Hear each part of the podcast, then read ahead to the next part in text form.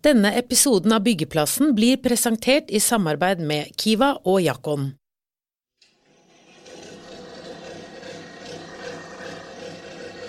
Volumet er rekordstort, men marginene har aldri vært lavere.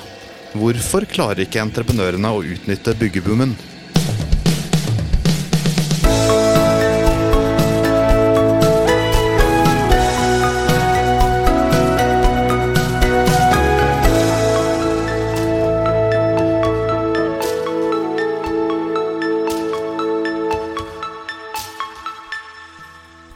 Den årlige bygg- og anleggsanalysen fra rådgivnings- og revisjonsselskapet BDO, som ble presentert for en smekkfull sal i Vika Atrium i Oslo i slutten av september, viser at bygg- og anleggsbransjen i Norge blir prega av rekordlave marginer. Samtidig så har altså volumet og omsetningen aldri vært høyere. I dag så skal vi snakke om risiko, marginer og vekst i bygg og anlegg her i byggeplassen. Og da har vi som vanlig fått med oss et par gjester som kan kaste lys over dagens tema. Bak mikrofonene her i vår podkast Hula så finner vi Uh, Henning Dalskjegg, uh, partner og bransjeansvarlig i BDO. Og Petter Kveil, daglig leder i Stenseth og RS.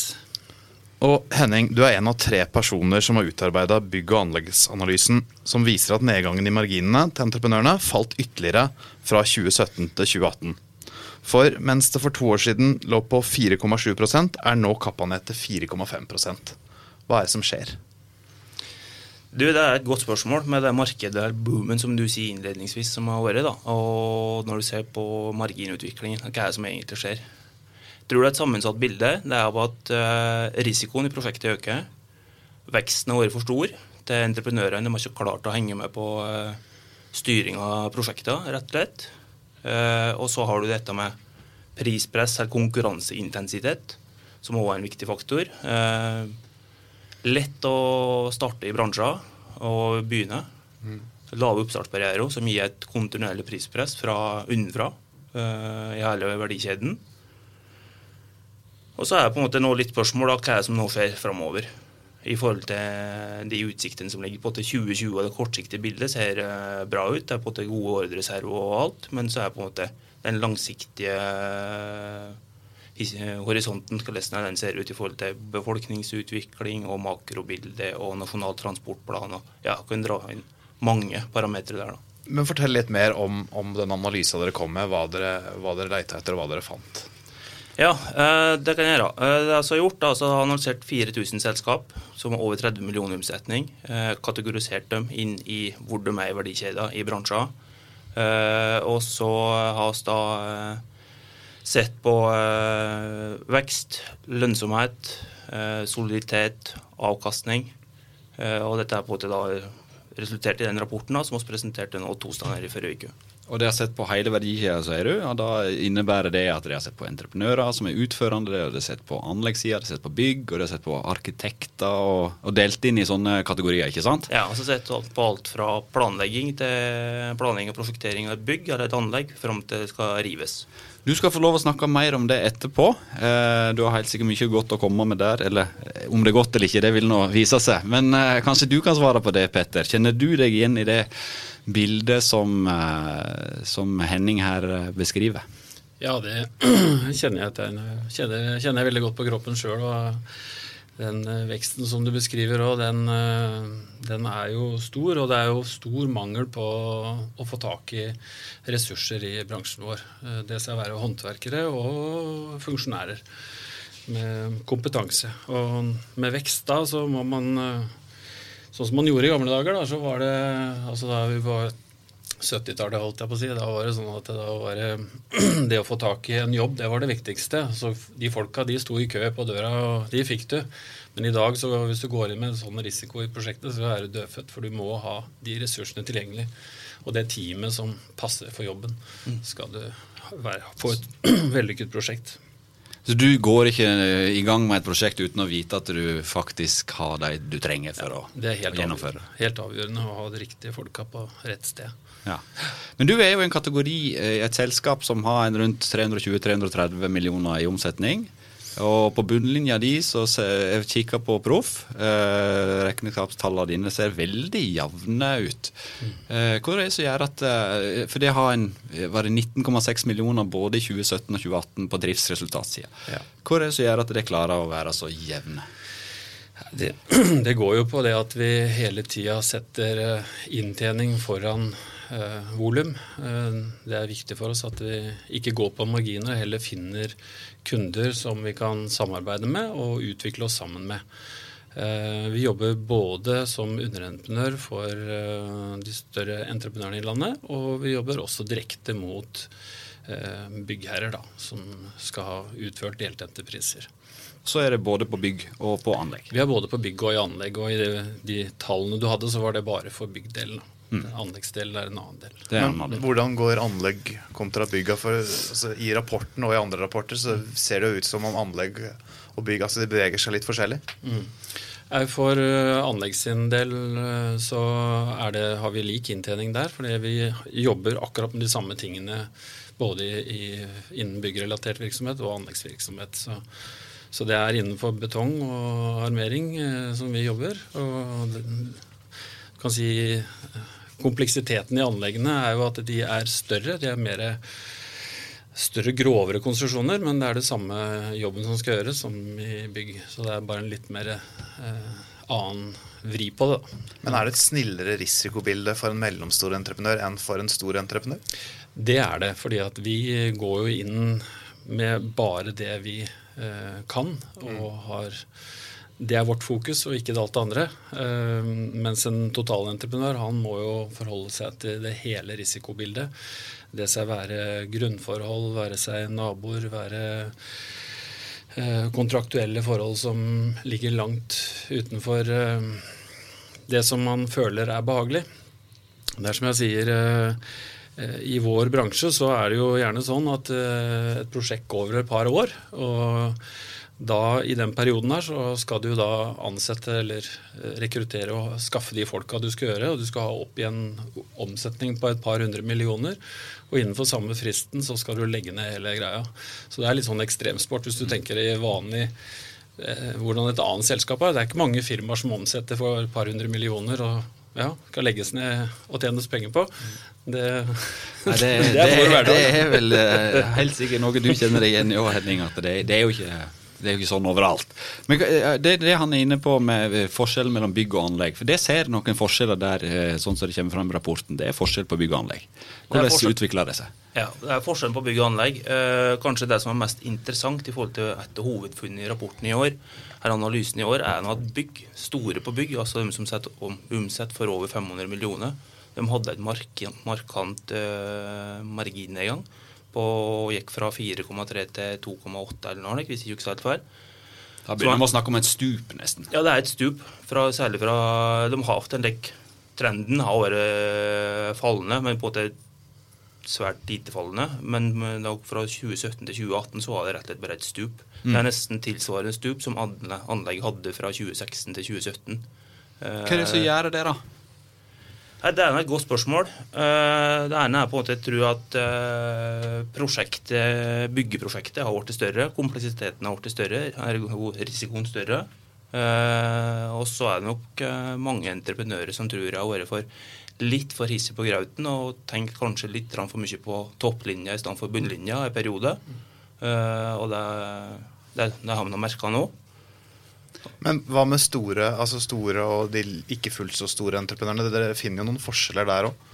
Ja, det er altså liksom den som du representerer, da. Den, eh, det er på en måte mer De er mye mer stabile i forhold til margin. De ligger på et uh, stabilt nivå. Liksom For bygg og for anlegg for den saks skyld så ligger de på ca. 4% i driftsmargin. Pluss minus. Der omkring. De mellomstore. Uh, så på en måte, Men det tror jeg at de gjør det bevisst i forhold til at de eh, tenker på bunnlinja si istedenfor topplinja. Ja, for det, ja, vi har jo en oversikt i byggeindustrien nå. De 100 største, som vi ser på de største entreprenørene i landet. Og den siste ut, lista var der, viste jo at resultatsnittet hadde falt det siste året til 2,9% Samtidig, for de samme selskapene, så økte omsetningen med 16% Hvorfor er det så vanskelig å omsette den topplinjeveksten til båndlinja? Eh, kompleksiteten i prosjektet og effektiv drift og ha kontroll på risikoen som ligger i dem. At det blir større og det vil kreve mye mer i forhold til prosjektledelse og styring av prosjektet. Jeg føler det også tror, da. Vi tar en liten pause for å få et par ord fra våre samarbeidspartnere. Det krever tillit å bygge Norge. Kiva hjelper deg med å innfri forventninger til kvalitet og sikkerhet. Som byggherre stiller du strenge krav til underleverandører. Kiva bistår med kvalitetsheving av bygg, også utover de obligatoriske kravene. Gjennom hele byggeprosessen verifiserer og sikrer vi at prosjektene har den kvaliteten du forventer. Kiva, din leverandør av testing, inspeksjon, sertifisering og kurs. Se mer på kiva.no. Og da er vi tilbake på byggeplassen. Og før vi gikk i gang og satte opptaket på, på snurr her, holdt jeg på å si, så, så, sa jo du nettopp det, Petter, at det, det der med å håndtere risiko er jo alfa og omega. Ja. Og det som Henning er inne på her, altså det når du får en vekst, så skal du ha tak i nye mennesker. Og det å sette nye mennesker sammen og få det til å bli god match fra dag én, det er ikke Selv om det på papiret ser greit ut, at de har den riktige utdannelsen og alt dette greiene her, så er ikke det nødvendig det samme som at det kommer til å bli vellykka. Du må ha personkjemien ja, i tillegg. Og når du da prosjektet blir enda større, så blir det jo enda flere mennesker som skal inn i dette greiene her. Og hvis ikke man har jobba mye sammen fra før, så er det veldig fort at et av disse viktige klossene ikke eh, jobber som den skal. Da. Og da rakner det nedover i organisasjonen. Det blir bare, spredden blir bare større når du kommer ned på håndverkernivå. Da. Men dere har jo en stabil inntjening og, og resultat. Har dere også en stabil eh, arbeidsgruppe, altså ansatte? Vi har eh, omtrent null i gjennomtrekk hos oss. Det er de siste ja, siste ti åra så har det stort sett bare gått jevnt og trutt oppover hele tida med ansettelser. Vi er i, i, i, i, disse tre selskapene som vi har. Vi har et entreprenørselskap som jeg sa innledningsvis, som jobber innenfor bygg, og et innenfor anlegg. Og så har vi også et uh, selskap som heter Ressurs, som leverer bemanningstjenester til disse to. Mm. Uh, og um, i den gruppa nå så er det rundt 230 mann, og det er en gruppe som jobber og gjør hverandre gode hele tida. Så eh, jeg må jo si at den Det er veldig sjeldent vi nå har tapsprosjekter. Eh, og det er jo det som mange av de store opplever, at man får noen tapsprosjekter. Og da det ødelegger veldig mye for inntjeninga totalt for en enhet. da, Hvis man får disse tapsprosjektene. For det hjelper liksom ikke om du har prosjekter som leverer 10-20% når du har en som leverer minus 10-20% Det er liksom sånt svært høl. Mm. Du hadde fingeren oppe, men jeg tror du fikk svar på det akkurat idet han fortsatte å prate. Eh, men uten å, å, å, ta en risiko, så tjener du heller ikke de gode pengene. Hva er det som er en god risiko, hva er det som er en farlig risiko? Du kan si Hvis man går inn på ukjente områder eh, hvor man ikke har erfaring fra før, eh, det seg være utenlandske entreprenører, være seg en byggherre som setter unormalt strenge krav til, til den utførende, så er det en risiko. Det som er viktig, er jo å få avgrenset. Eh, sånn at når man har skrevet kontrakten, så vet begge parter og er trygge på hva som skal gjøres. Sånn at man ikke havner i en diskusjon og blir sittende og holde på og krangle og krangle og krangle gjennom hele byggeperioden, som du må gjøre etter kontraktsregimet. Og, og, dermed så får du et dårlig prosjekt av seg sjøl. Og de prosjektene som først begynner å vise at de går dårligere, de går alltid enda dårligere og ender veldig dårlig. og mye, uh, mye, om risiko handler jo om det du er inne på med kontrakter og sånne ting. Ja. Og Hvordan er det regimet i ferd å endre seg? For det, eh, vi opplever vel, eller hører vel at det, en går litt mer og mer vekk fra standardkontraktene, og så kommer det noen tweaker her og der, som, ja. og tilleggsvilkår og sånne ting. Hva gjør det med risikoen i et prosjekt? Du kan si det, det øker jo risikoen vesentlig. Nå jo jobber jeg stort sett i, i, litt mindre komplekse prosjekter enn det de store landsdekkende gjør. Men vi var jo inne på Follobanen og jobbet for Condotte, som gikk eh, over ende til slutt. Og, og, der jo, måtte vi bruke masse tid og ressurser på å få landet en, eh, en balansert kontrakt. For de, jo, de kom jo med sine internasjonale kontrakter som var veldig sånn det var bare én som bestemte alt hva som skulle skje, og ikke noe knytta til hva vi er vant med å jobbe med, i forhold til at det er en balanse i, i kontraktene. Og For de som ikke kjenner Condotte, så var det altså en italiensk entreprenør som ble kasta ut fra Follobaneprosjektet etter at de eh, så å si gikk konkurs. Ja. Og det er jo litt interessant å høre hva, skjer, hva som skjer med de norske underleverandørene. Fikk de betalt det de skulle? Ja, vi, fikk, vi kom oss ut av det med, med på en god måte, vi, da. Men, og jeg tror de fleste gjorde det her, men det var noen som kanskje tok litt for stor risiko og, og havna ut med litt svarteper. Det var det nok. men en god del eh, vet jeg har fått opp, fullt oppgjør for det som skjedde i, kjølvannet. Men eh, det er, eh, det er, uheldig at man havner opp i sånne situasjoner når staten er involvert på bestillersiden. Da. Det må jeg si. Men er dere blitt mer risikoavers på storprosjekter etter Follobanen?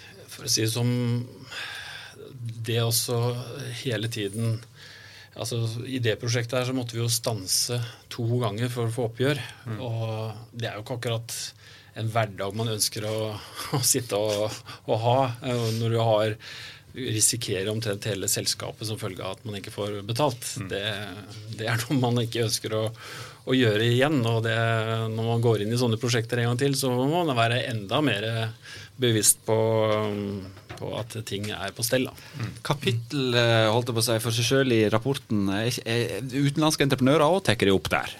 Hvordan endrer, hvordan endrer, det bildet i norsk bygg- og anleggsbransje at utenlandske entreprenører hevder seg eh, mer og mer? da? Det blir noe større konkurranse, selvsagt. Og så blir det mer prispress på, på, de større jobbene. Og eh, så på en måte det vil nå få det får en konsekvens, som en ser. og så men det som jeg har sett i Norge og på, på mange prosjekt, så har de gått dårlig, dem òg. Der de utenlandske aktørene har vært inne og gjort en jobb. Eh, Ser du et skille der mm, som Vi har jo krangla litt i en annen podkast om akkurat det, at uh, kanskje ikke hvis en hadde sett på noen norske prosjekt, så hadde det kanskje vært eh, dårlige funn der òg. At en leter litt eh, ja, der kan det, det spesielt der. Ja, der kan det godt hende. At, at, de kanskje kommer litt ekstra fram i media, de som har gått dårlig fra de utenlandske.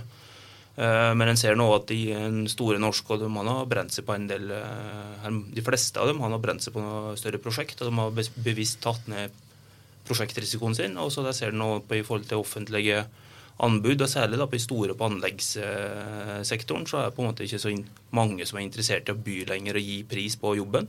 Fordi at uh, prosjektrisikoen blir for stor, og kontrakten i seg sjøl er så stor at det er nesten vanskelig for en stor norsk aktør å kunne gå inn på prosjektet. Det vil få for stor innvirkning hvis det ikke skulle gå bra. da. Du nevner konkurstall. Eh, frykter du at vi kan sitte med en type konkurs sånn som så i Condotte-tilfeller på en norsk eh, aktør eh, innenfor kort tid? Nei, det tror jeg ikke. Jeg håper ikke, og jeg tror ikke det. Eh, men eh, en vet en heller. fordi at når det blir såpass store prosjekter, prater prosjekter opp i 3-4-5 milliardersklassen, så på en måte skal, det skal ikke så alvorlig store, store feil til før det på, kanskje smeller en halv milliard på bunnlinja. og på en måte Det er ikke så mange av de aktørene som har mulighet til å ta den. Mm. Frykter du det, Petter, at en kan se noen sånne saker her i Norge? Nei, jeg, jeg er ikke kjent med at det er noe sånt. Men det, liksom det som har vært bransjen tidligere, har jo ønsket større kontrakter. Eh, fordi at man istedenfor at eh, ting skal stykkes opp så veldig, så vil man ha mer, litt større kontrakter. Men budskapet har jo ikke vært tydelig. Da, fordi at eh, med store prosjekter for, eh, for entreprenørene i Norge, da, det har vært prosjekter rundt en milliard. Det er det de har ment med store prosjekter. Og så, Mens, og så har hun plutselig fått da Fire, fem, og seks, og sju, og åtte. Man har ikke så store team og organisasjoner eh, til å håndtere så store prosjekter i Norge. Så, så det at Ja. Er, er, der er det noe som har blitt litt for heite på grøten, som du sier. Ja. Det er helt klart. Men du nevnte at dere har sett på hele verdikjeden. Mm. Hva fant dere i andre deler? Altså, nå har vi snakka mye om entreprenør, men hvordan er ståa i resten av kjeden? Eh, I resten av kjeden, Hvis dere begynner eh, fremst, da, de som planlegger og prosjekterer, så mm. ser en der at de ligger stabilt i margin. Men der har også de store fått seg en knekk i 2018 på marginbildet. Og der tror vi kommer til at de har nok måttet tatt mer av prosjektrisikoen. Mm. Og derav dårligere margin for de utførende på bygg og anlegg, da, de store. Mm. Som på en måte har måttet tatt noe nedskriving og dårligere margin på prosjektene sine. Mm.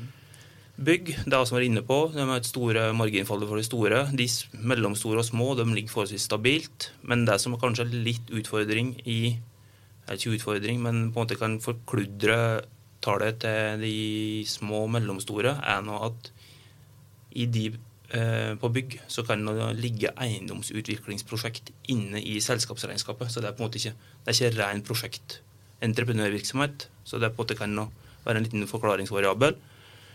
Og på anlegg, det er på en måte de 2017 var det et uh, kriseår uh, 20, de, for de store. 2018 uh, De store på en måte si, stabilisert seg på et dårlig nivå. De ligger nå nede på 2,5 uh, De mellomstore og små de blir på en måte ligger stabilt, ca. Uh, og så når du kommer over til riving uh, og der, så er på måte å drifte riving, så er de ganske stabilt, egentlig. Mm. Hvordan skal en gjøre altså, Hvordan skal en få marginene opp da, Petter?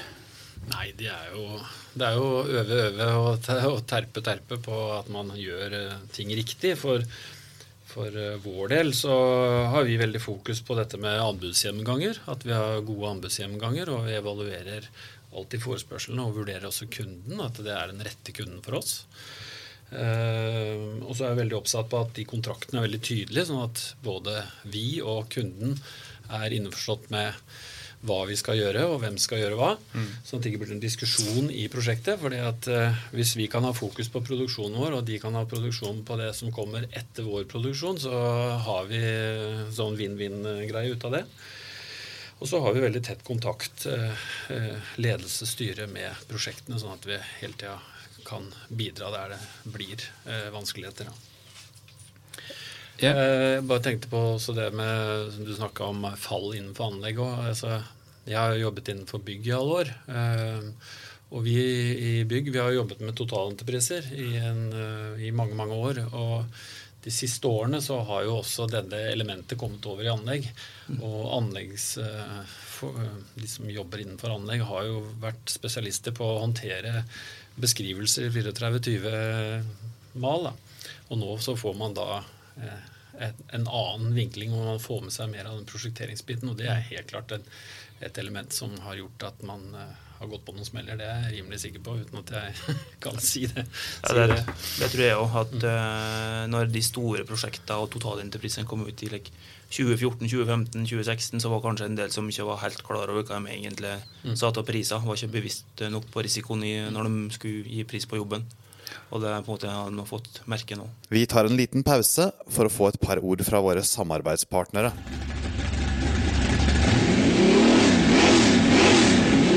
Hører du kjerra mi i bakgrunnen? En 57-modell Chevy 350 fra Halden.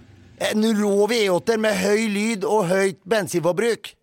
Vil du heller spare energi, så skal du sjekke ut en 350 fra Fredrikstad isteden, nemlig Jakkon Termomur 350. Termomur er det moderne byggesystemet som gir høy bokomfort og lave energikostnader. Systemet er like bra både til grunnmur og vegger. Med Termomur 350 så tilfredsstiller du myndighetenes krav med god margin. På Bygg Reis deg så kan du se åssen de geniale termomurblokkene stablas oppå hverandre, omtrent som byggeklosser. Så vi gleder oss til å se deg der, på Jakkons stand. Og da er vi tilbake på byggeplassen. Men dere Stenseth, høres ut som dere har en, en vinneroppskrift. Dere beskriver jo fremtidens vinnere også i rapporten. Si litt mer om det. Hva gjør fremtidens vinnere? Fremtidens vinnere det ene er, som vi har vært inne på flere ganger i dag, er dette med at de må være bevisste på risikoen som ligger i prosjektet. Må prisene riktig, og du må ha en mulighet til å påvirke den, som går i, i selskapets retning. Eh, og så har du dette med å bærekraft. Det er på en måte utrolig inn om dagen. Mm. Det er på en måte en viktig faktor for å lykkes framover, tror oss. da. Og, men noe av utfordringen rundt dette med bærekraft er nå at hvis du ser på de store entreprenørene og Vi hadde en gjesteforeleser fra Musta Eiendom, Olav Line. Han prater om at de, de skal by, ha en byutvikling av Lilleaker med bærekraftig fokus på gjenbruk. Da. Men det er som han sa, at de sliter med å få entreprenører til å bli med på prosjektet fordi at risikoen er antageligvis for stor. Uh, at når de store aktørene har såpass låg margin, så tør de ikke til å begynne å gamble med på måte, å eh, prøve noe nytt i et såpass stort prosjekt, fordi da vet de at det, det vil både, hvis de ikke lykkes med det her, så er på en måte kroken på døra. Mm. Men Opplever dere at bærekraft er lønnsomt? Ja, jeg vil jo si det at uh, vi opplever uh, det. det. det. er jo ikke så For vår del så er det jo, er det jo dette med betong, uh, betongarmering da, som vi driver med. Vi driver med skrapmetall, som blir armeringsstål, og vi har eh, lavvarmeresepter som vi bruker i betongen, som er eh, iblanda eh, miljøavfall som, mm. som, blir brukt. så det er jo bærekraftig i form av det. Så er vi veldig opptatt av å utvikle våre ansatte, sånn at de kan, kan, stå i bedriften til de blir eldre. Altså begynner som eh, lærling og får lov å gå som fagarbeider, ta fagskoleutdanning. Ja, og, og, og, utvikle de rett og slett sånn at de kan, bli, kan stå i løpet i, i, i arbeidslivet sitt. Men det er jo ikke bare, bare, det som er opptatt av miljø og bærekraft, og, og, eh, for det er jo premissgiverne her òg. Eh, vi ser jo eh, valget gir noen utslag. De grønne går mer og mer fram. Din kollega Thomas Lidsheim han snakket om på presentasjonen av denne rapporten som vi har snakket om her i dag, at, uh, at den Rogfast-utlysningen som, som, plutselig ble avlyst, uh, han mener at det kan være liksom et tegn på at det blir en omkamp om det prosjektet, og at den politiske vinden som er nå, kan føre til omkamp av enda flere prosjekt. Betyr det at den anleggsboomen uh, nå har nådd toppen og vel så det, og så er det pil ned? Det er et godt spørsmål. Um, definitivt så vil det sikkert bli flere omkamper tror jeg, av de store prosjektene som ligger inne i Nasjonal transportplan. Uh, det tror jeg nok kommer til å skje. Og så er spørsmålet uh, når vil det skje, og på at det hvor langt fram i tid vil det skje. Men uh, selvsagt hvis det er på at det vil bli satt en stopper for flere av de større prosjektene, både innenfor jernbane og veisektoren, som er planlagt framover, så vil det få ganske kraftig utslag for volumet i anleggsmarkedet. For det er, på det, det er dem, det som å være driveren i de siste tiåret ti årene eller fem årene. Hvor mye følger du med på det politiske bildet når du legger dine langsiktige planer for uh, din entreprenørvirksomhet? Jeg har, har, jo fulgt med nå spesielt rundt valget som har vært nå, da, og ser den grønne vinden som, uh, som brer innover seg. og Det er jo en usikkerhet som ligger fram i tid, det er ikke tvil om det. men jeg ser vel ikke at det skal bli så veldig store justeringer i, i tiden framover. Men uh, disse minoritetspartiene de, de, begynner å få stor makt etter hvert, når de ligger i VIP-posisjon uh, hele veien. Så. Tror du at Rogfast uh, overlever? Jeg er veldig usikker egentlig på det. og der, Nå begynner man jo med disse elektrifiserte fergene og en med andre. så det er jo sånne ting som kan slå inn. Eh, det er jo, eh, Alt dette greiene her tar jo litt tid. Bransjen klarer ikke å snu seg eh, med en gang på sånt noe. fordi at det, er så mange i kjeden nedover som også må begynne å snu seg. og Hvis ikke de er villige til å snu seg, så får du liksom ikke, du liksom ikke det til. Så det må gå Jeg syns det er riktig det som skjer nå, at man begynner å sette krav til grønne ting, og så må man tilpasse fag for fag rett og slett. fordi at eh, de er ikke alle som klarer å snu seg så fort, for de har så store grunninvesteringer som de ikke kan bare liksom plutselig bare snu på, fordi de må liksom eh, slite det ut. vi begynner å dra oss mot denne her velkjente halvtimen vår, Christian. Ja, vi nærmer oss. Uh, noe mer vi lurer på? Du, Det der er et fantastisk spørsmål. Det, alle journalister avslutter en samtale med det. Ja, er det noe annet det, som de ikke har fått sagt noe som de sitter inne med? Det som jeg tenkte litt på, som vi kanskje så mye inne på, er nå dette med offentlige som premissgiver i forhold til utvikling av bransjer. De, de står nå for en stor brøkdel, mesteparten av uh, volumet i bransjer. For å utvikle den bransjen her og dra den framover i positiv retning i forhold til dette med bærekraft. og liksom og nå, må de sette krav? Da må de sette krav, og så må de òg premiere det i forhold til anbuds... Uh, det finnes jo noen miljøbonuser. Statens vegvesen er vel i gang med noen miljøbonuser på, på sine prosjekter og kontrakter. Er det et insentiv som trigger deg? Ja, jeg tror at det å sette litt andre krav enn bare mm, pris, det er, helt, eh, det er viktig for norsk næringsliv. Og det er viktig for, mm, for at arbeidsplassene skal bli i Norge og ikke havne i utlandet og skattepenger og alt sammen forsvinner ut. Og da kanskje anleggsmarginene og bygge, byggemarginene går opp òg. Det håper jeg. Men vi må være konkurransedyktige, det sier seg selv. Ja, da tror jeg vi setter strek for den der eh, episoden her av Byggeplassen, Kristian. Ja, eh, Christian Aarhus og Frode Aga har vært programledere. Alf Magne Hillestad har hatt eh, ansvar for lyd. Vi har hatt med oss to kjempeflinke gjester. Eh, vi er snart tilbake med en ny episode av Byggeplassen. Denne episoden av Byggeplassen ble presentert i samarbeid med Kiva og Jackon.